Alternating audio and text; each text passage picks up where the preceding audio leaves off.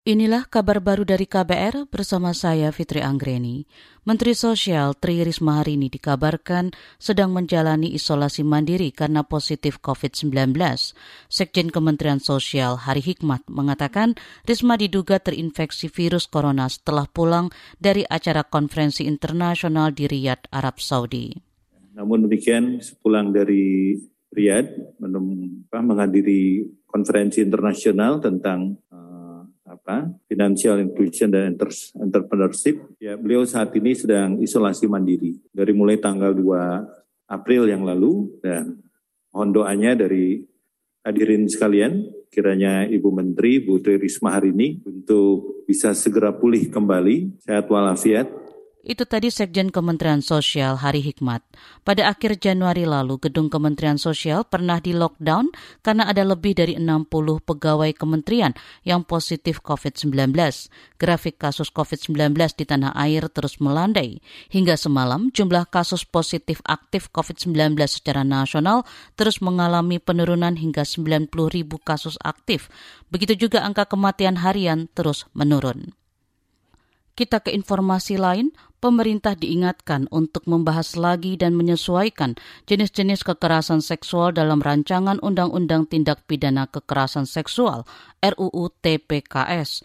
Peneliti hukum di Institut Reformasi Hukum Pidana ICGR Maidina Rahmawati mengatakan dalam daftar inventarisasi masalah DIM RUU TPKS milik pemerintah tidak ada penjelasan tentang tingkat perbuatan eksploitasi seksual.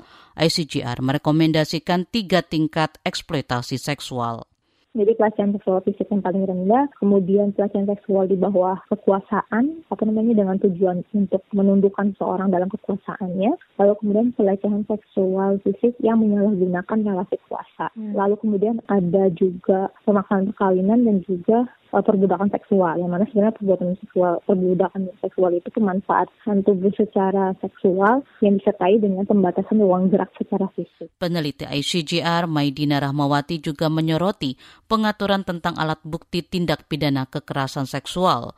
Menurut Maidina, masalah mendasar dalam penanganan kasus kekerasan seksual adalah sulitnya memenuhi ketentuan hukum acara pidana oleh para korban.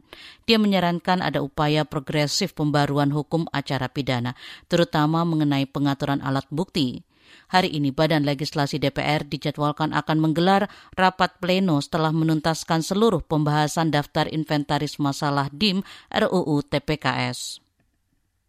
Kita ke mancanegara, otoritas kesehatan di Inggris, NHS, menambahkan lagi sembilan tanda atau gejala COVID-19.